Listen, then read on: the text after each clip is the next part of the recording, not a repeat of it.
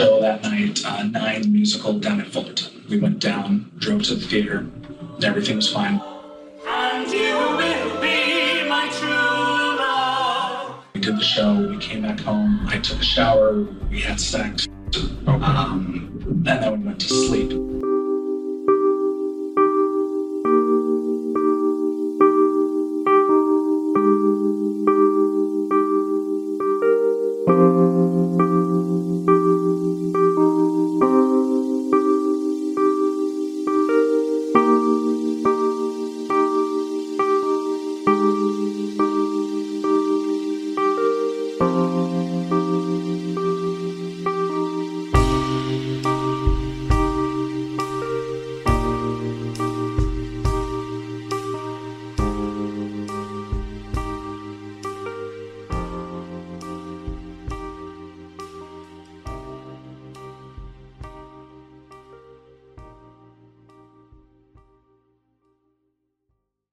Välkommen till analys av ett mord. Jag heter Sebastian och i veckans avsnitt tar vi upp skådespelaren som inte kunde spela.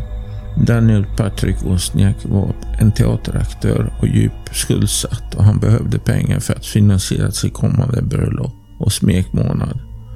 Wozniak och hans dåvarande fästmö Rachel May Buffett bodde i samma lägenhetskomplex som Samuel här i Costa Mesa, Kalifornien. Den 21 maj 2010 sköt och dödade Benny Patrick Wozniak sin granne Samuel Sam här, en 26-årig krigsveteran från Afghanistan, på en teater i Los Alamitos. Vid mordtillfället var Wozniak djupt skuldsatt och arbetslös men planerade ett påkostat bröllop och en smekmånad. Efter att här berättat för honom att han hade besparingar på cirka 62 000 dollar från militärlönen beslutade sig Wozniak för att döda honom för att få tag på pengarna. I ett försök att vilseleda polisen och skuldbelägga här använde Wozniak sedan Härs mobiltelefon för att skicka sms till Yuri Juli Kibushi, en 23-årig kollegstudent som hade hjälpt här med studierna på Orange Coast College. Wozniak lurade Kibushi till Härs lägenhet där han sköt och dödade henne. Wozniak iscensatte sedan brottsplatsen för att få det att se ut som Kibushi hade blivit sexuellt överfallen, vilket antydde att här hade begått överfallet och mordet och sedan gått under jorden. Senare samma kväll uppträdde Wozniak i sin lokala teaterproduktion om musikalen Nine. Därefter styckade Wozniak Härs kropp genom att ta bort hans armar och huvud. En omfattande människojakt efter här lanserades av myndigheterna som vid den tiden fortfarande trodde att här var ansvarig för Kibushis mord och var på rymmen. Wozniak hamnar under misstankar efter att han instruerat en 16-årig pojke vid namn Wesley Freilich att ta ut pengar från Hers konton. När polisen konfronterade pojken blev de informerade av pojken att Wozniak hade bett honom ta ut pengarna. Strax efter greps Wozniak under sin svensexa två dagar före sitt bröllop.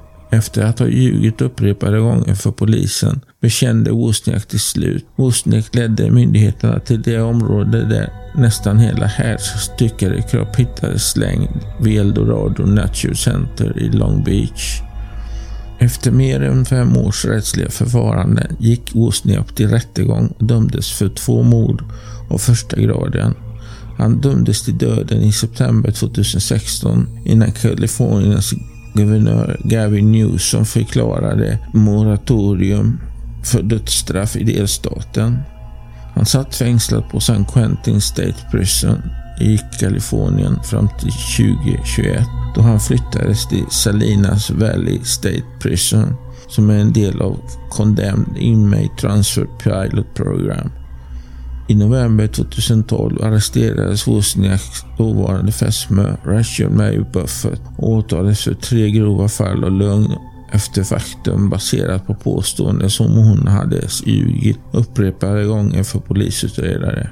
Den 12 september 2018 dömdes Buffett för dessa två åtalspunkter med maximal möjlig strafftid på 44 månader och den 8 november 2018 dömdes hon till 32 månader minus avtjänat straff och gott uppförande.